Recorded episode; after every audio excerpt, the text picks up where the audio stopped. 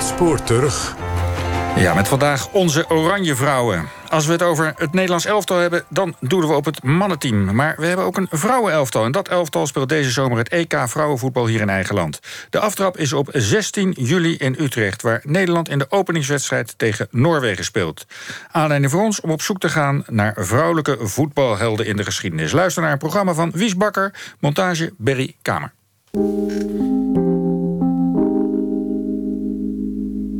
De eerste officiële wedstrijd die ik speelde. Nou, ik heb me zo gigantisch over de kop gelopen dat ik de volgende dag ging gewoon flat uit. Ik was gewoon zo, zo moe, maar je dacht, ja, misschien is het wel de laatste keer. En je kunt wel heel makkelijk zeggen van het vrouwenvoetbal... als je naar het niveau kijkt, dat ziet er niet uit. Alleen dat is gewoon een hele makkelijke conclusie... als je kijkt waardoor dat dan komt. Persoonlijk vind ik dat uh, de KNVB hier een morele schuld heeft. Maar ja, dat zal ze nooit herkennen. en dat ze moet zeggen van ja, wij hebben dat, uh, dat was niet vrij wat we gedaan hebben. Wij moeten daar uh, daarom nu extra investeren om de vrouw de kans te geven om die schade in te halen.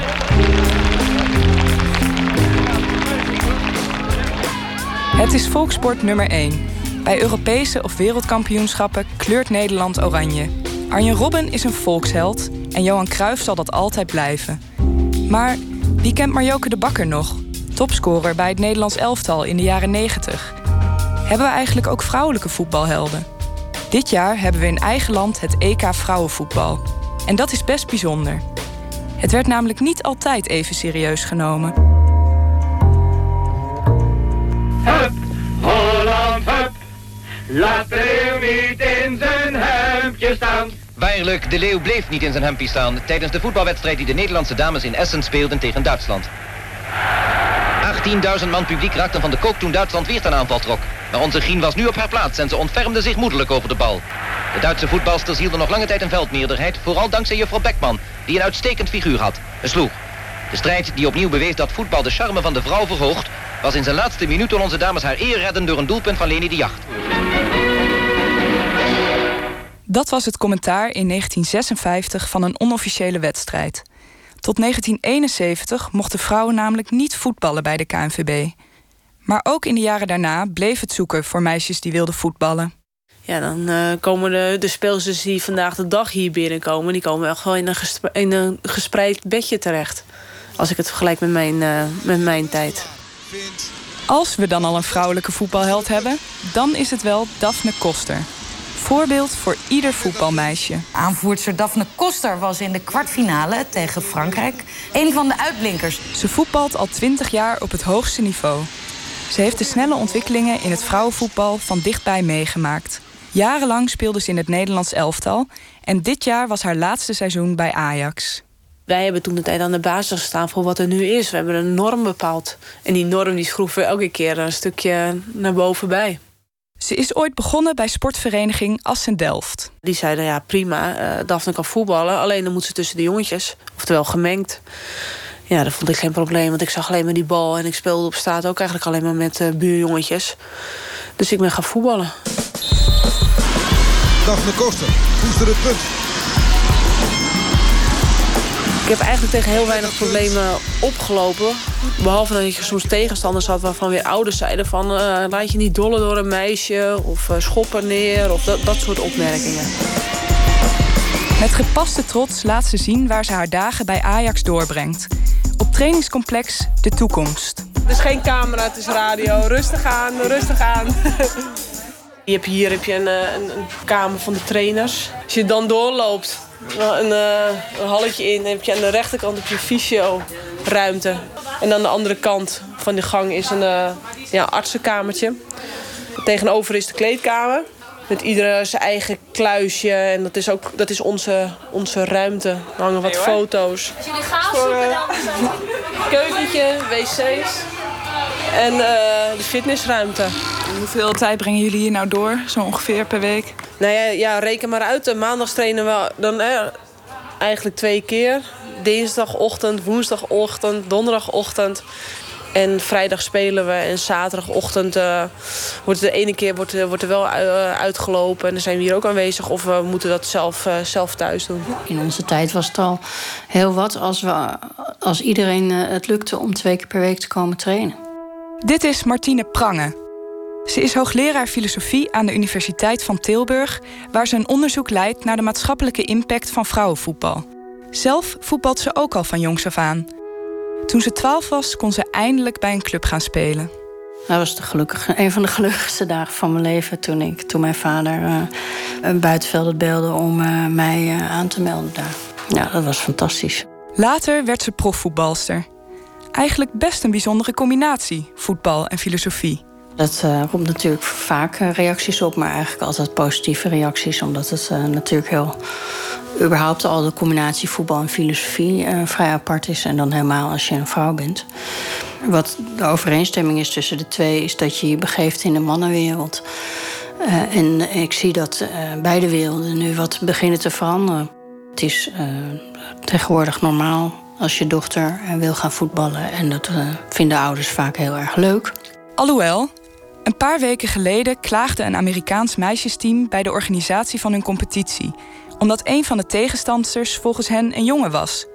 Het meisje had kort haar en werd uiteindelijk met haar hele team gedisqualificeerd. Er zijn ook nog steeds heel veel tegenbewegingen. Ik heb het ook op dagelijks niveau ervaren vroeger de club van mijn vader, die niet wilde beginnen aan meisjesvoetbal. Terwijl ik op mijn tiende een heel team bijeen had weten te rapen. En, uh, en ook een trainer had gevonden. En dus met een volledig team en trainer aankwam, wilden ze ons uh, niet faciliteren. In de jaren tachtig was het dus nog steeds niet zo vanzelfsprekend dat een meisje ging voetballen. Maar hoe ver gaat die geschiedenis terug? Sport is altijd als een uh, als een middel gebruikt om vrouwen uit te sluiten. Dat was in de Griekse tijd al zo. En dat is in de 19e eeuw weer zo geweest. In de 19e eeuw uh, kwam het feminisme uh, in opkomst. En de Olympische Spelen zijn toen ook weer gestart, juist als een manier om uh, de mannelijkheid te hervinden en, en vrouwen uit te sluiten. Voetbal kwam eind 19e eeuw op in Engeland als een sport van de fabrieksarbeiders. Toen de mannen in de Eerste Wereldoorlog naar het front moesten om te vechten, namen vrouwen hun posities over. Niet alleen in de fabrieken, maar ook op het voetbalveld. Maar de bond was minder enthousiast. In 1921 werd vrouwenvoetbal in Engeland verboden door de bond. In Nederland werd de sport in de jaren 20 en 30 steeds populairder. Er werden ook een paar verenigingen opgericht voor vrouwenvoetbal. Dat riep weerstand op bij de KNVB en zelfs bij sommige gemeenteraden. Daarom volgden de Nederlandse bonden al snel het Engelse voorbeeld. En in 1938 besloot ook de KNVB het vrouwenvoetbal te verbieden. De voetbal kwam eigenlijk overal wel een beetje in, in Nederland, het vrouwenvoetbal. En ja, dan moet je natuurlijk als nationale bond eh, een positie gaan innemen. En was daar veel verzet tegen? Is daar iets van bekend?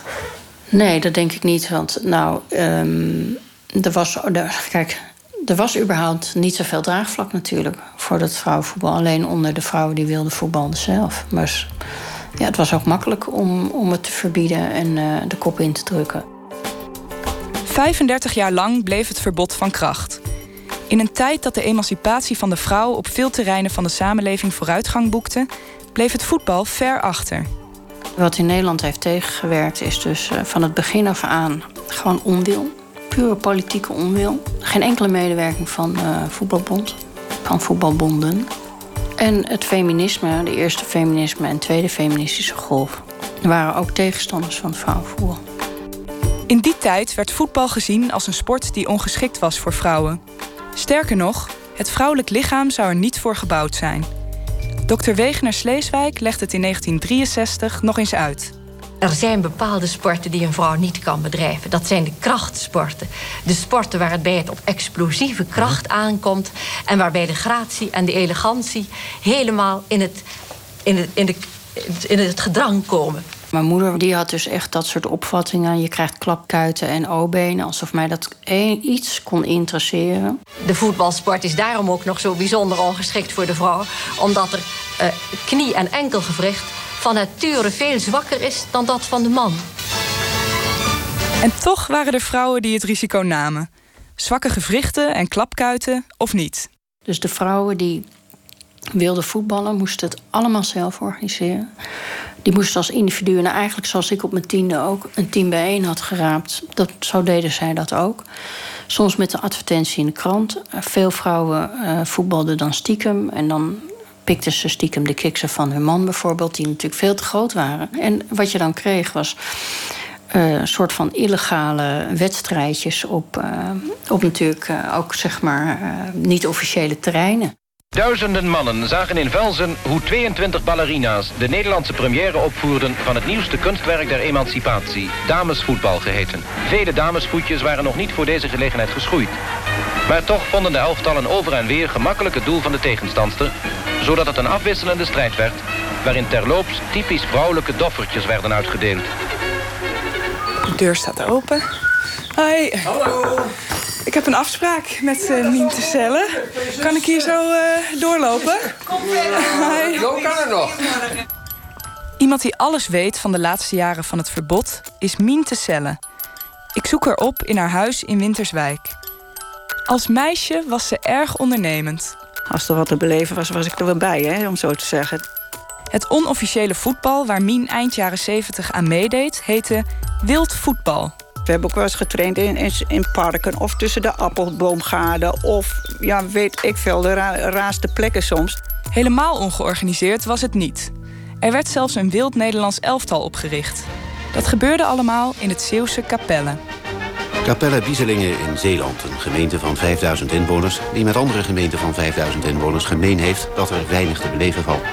Om daar iets aan te doen werd in 1968 de EZDVV opgericht. De eerste Zeeuwse damesvoetbalvereniging. Nou, dat is dus inderdaad vanuit Zeeland toen ontstaan. Maar er kwamen steeds meer meiden uit Brabant. Nou, ik kwam uit Gelderland. Uh, Corrie Welgraven uit Wageningen, uit Groningen. En die wilden gewoon voetballen. En als het in je eigen regio niet kan, zoals ik ook, dan, dan ga je op zoek. En op een gegeven moment was daar dus al eigenlijk landelijk eh, zoveel meiden uit alle streken... dat ze die, die van, nou, we kunnen hier een Nederlands elftal beginnen. En we kijken naar je medespeelster waar die staat. Als meisje uit de achterhoek moest Mien een lange weg afleggen om uiteindelijk terecht te komen waar ze het liefste wilde zijn: op het voetbalveld. Nou, in de buurt waren allemaal jongens, bijna, ook van mijn eigen leeftijd in ieder geval. Dus het was niet zo verwonderlijk dat ik eigenlijk altijd al aan het voetballen was. In de vrije tijd wie je had, als je vanuit school kwam, dan was het uh, hup, oude kleren aan en een groepje bij elkaar. En we waren aan het voetballen totdat, totdat we thuis werden geroepen voor eten of uh, dat we moesten naar bed, naar bed om te slapen. Maar de jongens die mochten op voetbal. En ik niet. En dat, nou, dat was toen eigenlijk al wel van waarom wel, hun wel en ik niet. Voetbal, dat kon niet. Dus ging ze maar op handbal, want dat mocht wel. Binnen uh, het handballen toen die tijd waren heel veel meiden die eigenlijk in hetzelfde idee uh, en achtergrond dan, dan, ik zat. Van ja, die deden eigenlijk heel graag voetballen. Maar ja, dat was er niet voor meisjes. Dus je ging maar handballen. Dat had dan toch een beetje overeenkomsten in die tijd. Eind jaren 60 ging de eerste Zeeuwse damesvoetbalvereniging steeds actiever op zoek naar vrouwen die wilden voetballen. Zo bereikten hun advertenties ook Mien in Winterswijk. En toen heb ik inderdaad op een gegeven moment gereageerd op mijn advertentie wat ik las. En dan zouden we met een handbalclub gaan voetballen. Tegen een uitnodiging uit Zeeland. Nou, toen het puntje bij paaltje kwam van zouden we dat gaan doen...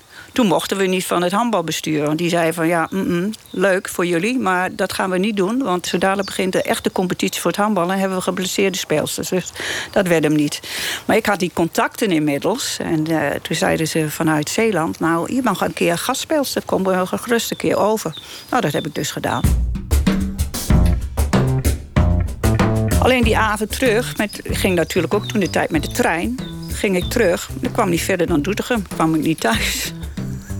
Want de trein die ging niet verder dan, eh, dat was het eindpunt toen. Dus ik ging nog, uh, s'avonds, toen had je nog geen telefoon en zo. Dus ik lag er in een baalde stro daar uh, bij, tussen de koeien. Hè. Dat was mijn eerste voetbalervaring, wedstrijdje in uh, Zeeland. Mien bleek talent te hebben. Nog dezelfde dag kreeg ze een uitnodiging. De bondscoach die wil jou spreken. Bondscoach? Hebben we die dan ook al, bij mij spreken? Nou, ja, het is ook gezegd. Uh, ik werd dus uitgenodigd voor, om uh, toen de tijd het wilde Nederlands elftal te komen spelen. Zo is dat toen gegaan. eerste officiële wedstrijd die ik speelde. Nou, ergens in het voorjaar dat dat was. Nou, ik heb me zo gigantisch over de kop gelopen... dat ik de volgende dag ging gewoon flat uit. Zo moe, maar je dacht, ja, misschien is het wel de laatste keer. Het was de eerste keer. Maar weet jij veel, toen de tijd. Dus nou, en je ging maar weer, en je ging maar weer. Ja, je was helemaal dood, totaal los. En waarom dacht u misschien is het de laatste keer? Omdat, je, omdat het eigenlijk niet of niet mocht. Maar er was nog verder helemaal niks geregeld. Dus je, je wist überhaupt niet of er nog wel een tweede keer kwam. En dat moest je dan zelf op een gegeven moment gaan organiseren. Dat deed je natuurlijk wel. Het was wel zo'n eh, bijzondere ervaring. Ik denk van ja, dat moet, dat moet nog wel een vervolg wezen.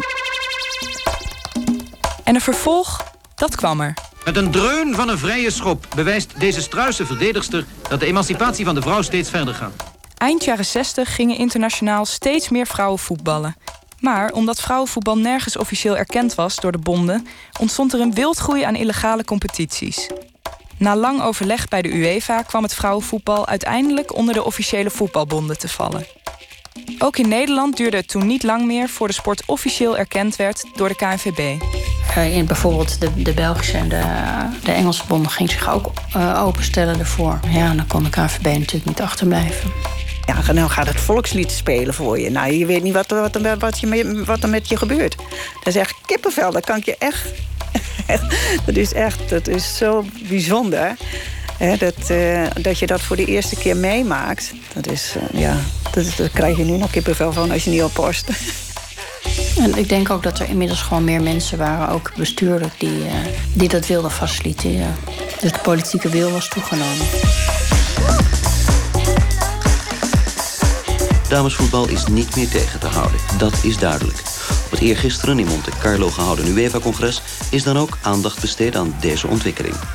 Het dagelijks bestuur van de Europese Voetbalfederatie pleitte voor officiële erkenning en het integreren van damesvoetbal in de bestaande nationale bonden. Vicevoorzitter Dr. Sandro Bartsch lichtte het voorstel toe. Women's football is developing rapidly with or against our will. We have to face this problem. We have to consider it seriously and not to undervalue its importance. Meneer Meuleman, er is uh, hier vandaag een, dacht ik, voor damesvoetbal belangrijke beslissing genomen. Het is onder de vleugels en onder de hoede gekomen internationaal van de FIFA. Uh, bent u daar blij mee? Jazeker, daar ben ik zeker blij mee.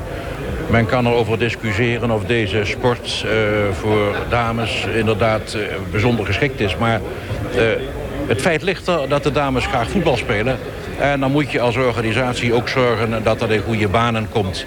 Wilt u zelf constateren hoe goed of hoe slecht hoe aantrekkelijk of hoe afstotend, hoe elegant of hoe onesthetisch damesvoetbal kan zijn...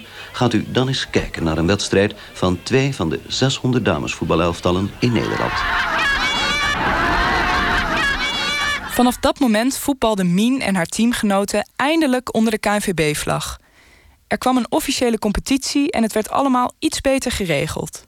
En toch, de 36-jarige Daphne Koster moest als meisje nog best wat moeite doen om zich aan te sluiten bij een voetbalclub. Ik wilde op voetbal. En uh, mijn ouders die vonden dat eigenlijk uh, die, ja, die vonden dat prima. Alleen uh, toen de tijd, en dat, dat, is in 87 geweest, wisten ze, wisten ze niet of dat überhaupt wel kon, meisjes elf meisjes mochten voetballen. Nu eh, een bizarre vraag eigenlijk. Maar mijn buurman die was, eh, die had een, eh, een, een bestuursfunctie. En die is het ook gaan navragen in de club. Want ze hadden wel een damesteam ooit gehad, maar die was er niet meer.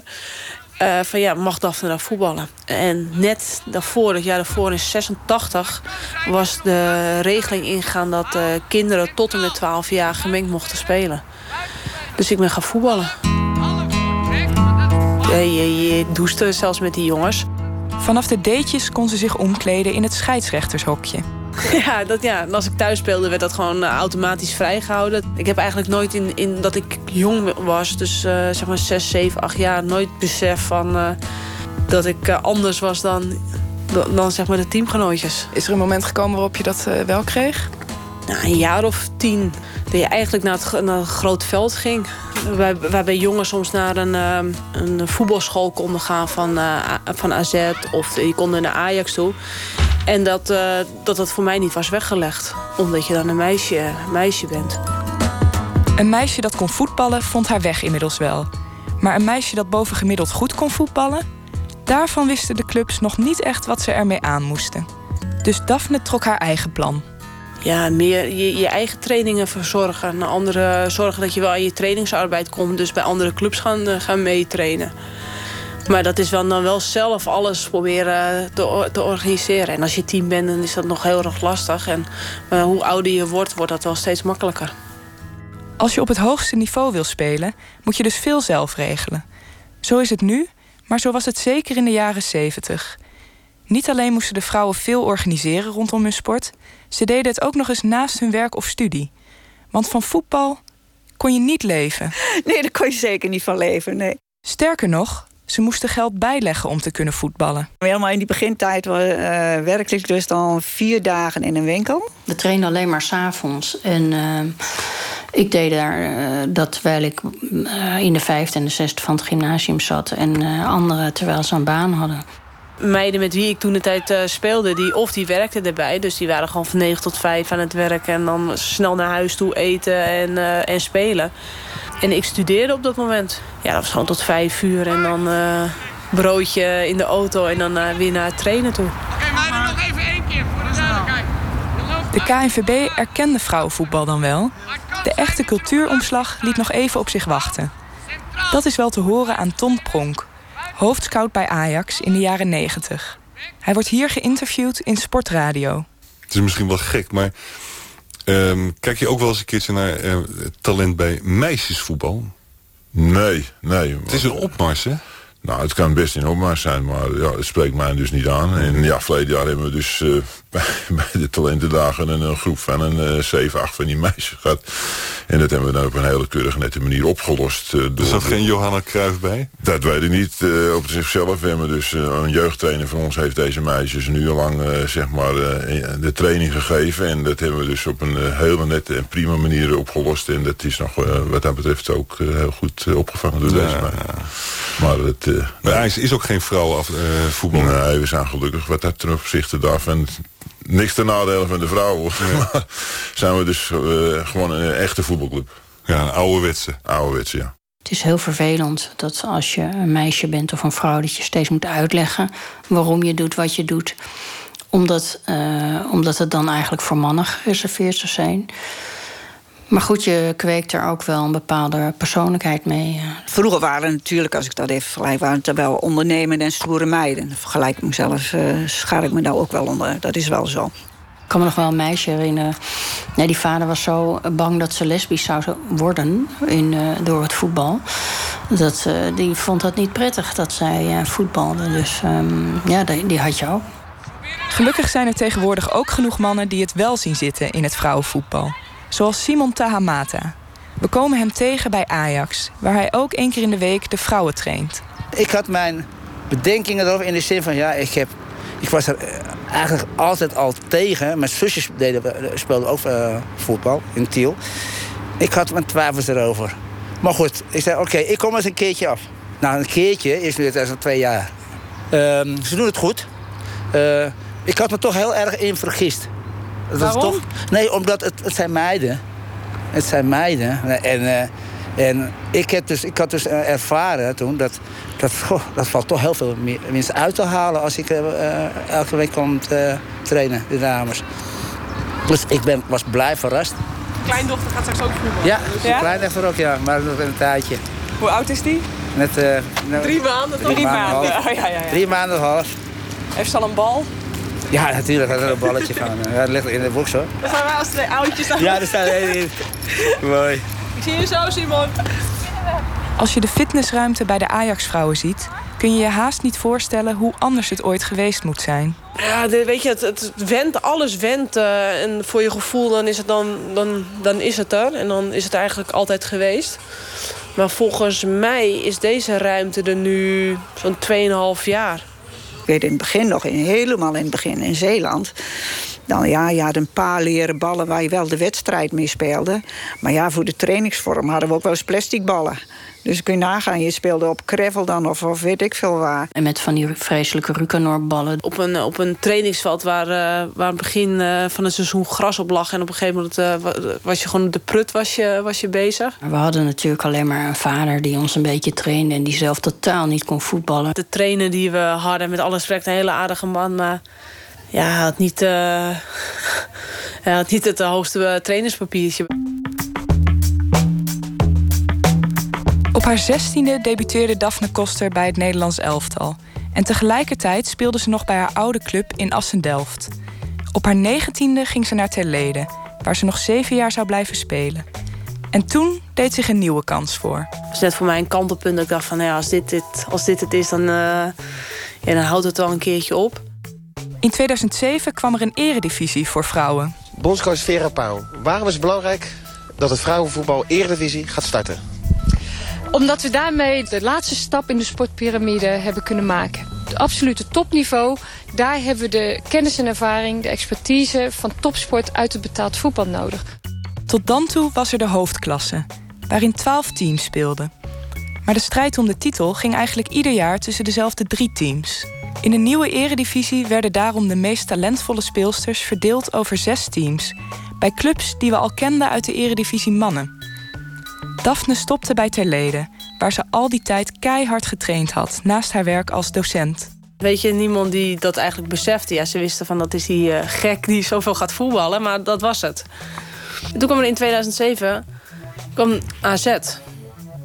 En toen dacht iedereen, wow, AZ, Daphne komt bij AZ spelen. Nou, dan zal ze wel goed zijn. En voor mij veranderde er eigenlijk helemaal niks. Alleen dat ik in, bij AZ ging spelen.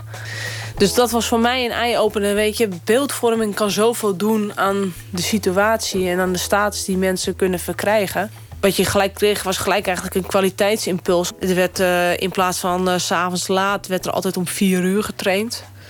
Dus uh, speelsters konden minder lang naar hun school toe... en minder lang werken. Maar daardoor wel gewoon om, om vier uur al trainen. Die kwaliteitsimpuls was onlangs nog te zien. Afgelopen mei werden Daphne en haar team kampioen. Daar komt de schaal Dick Schoenhaker. En de schaal voor Daphne Koster en de Ajax vrouwen.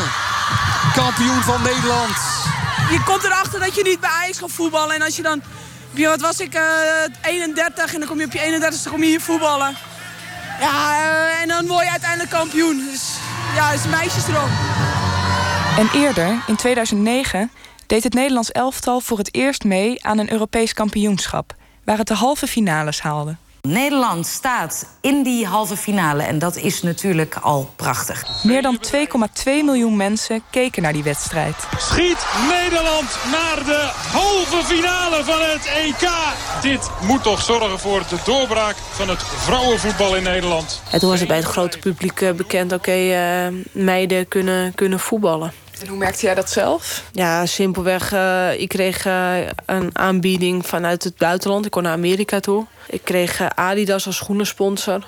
Ja, wat dat betreft kwamen er al, gingen de deuren open voor mij... die voorheen gesloten, gesloten bleven. Het EK in Nederland is een stap in de goede richting. Maar of voetbal nu gezien wordt als een sport voor mannen en vrouwen... dat lijkt nog niet helemaal te zijn gelukt. Het vrouwenvoetbal valt bijvoorbeeld nog onder het amateurvoetbal. En voetbalsters verdienen hier nog steeds niet genoeg om van te leven. Maar ja, het gevolg is dat uh, veel meiden die in de topvoetballen in Nederland uh, hun geluk gaan beproeven in het buitenland. Uh, Nederland zou dus echt moeten investeren als we dat willen bijhouden. Al kijk je al naar de, naar de website van de KNVB. Ik geloof dat we ergens een thema zijn, uh, meisjes en vrouwen. Een themakopje. Ja, dat geeft alles al aan van dat zij het ook niet als volwaardig zien. De verwachtingen voor het EK van deze zomer zijn in elk geval hoog gespannen. Ja, als dat een beetje mee zit, ja, dan, dan kun je zomaar in een finale terechtkomen. Dat zou natuurlijk geweldig zijn. Dat zou echt geweldig zijn. En of je dan in een finale verliest, zo wat. Want dan krijg je wel het podium wat je verdient eigenlijk. Want dat is het.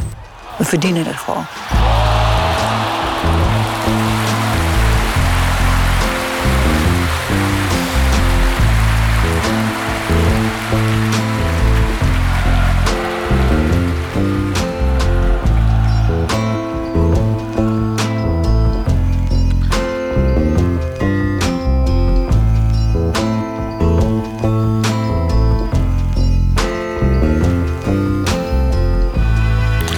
U hoorde Onze Oranje Vrouwen, gemaakt door Wies Bakker. Alle poolwedstrijden van het Nederlands elftal zijn inmiddels uitverkocht. Maar u kunt nog naar een van de andere wedstrijden of de finales. Kaarten zijn te koop op de site van de UEFA. En u vindt een link op onze Facebookpagina.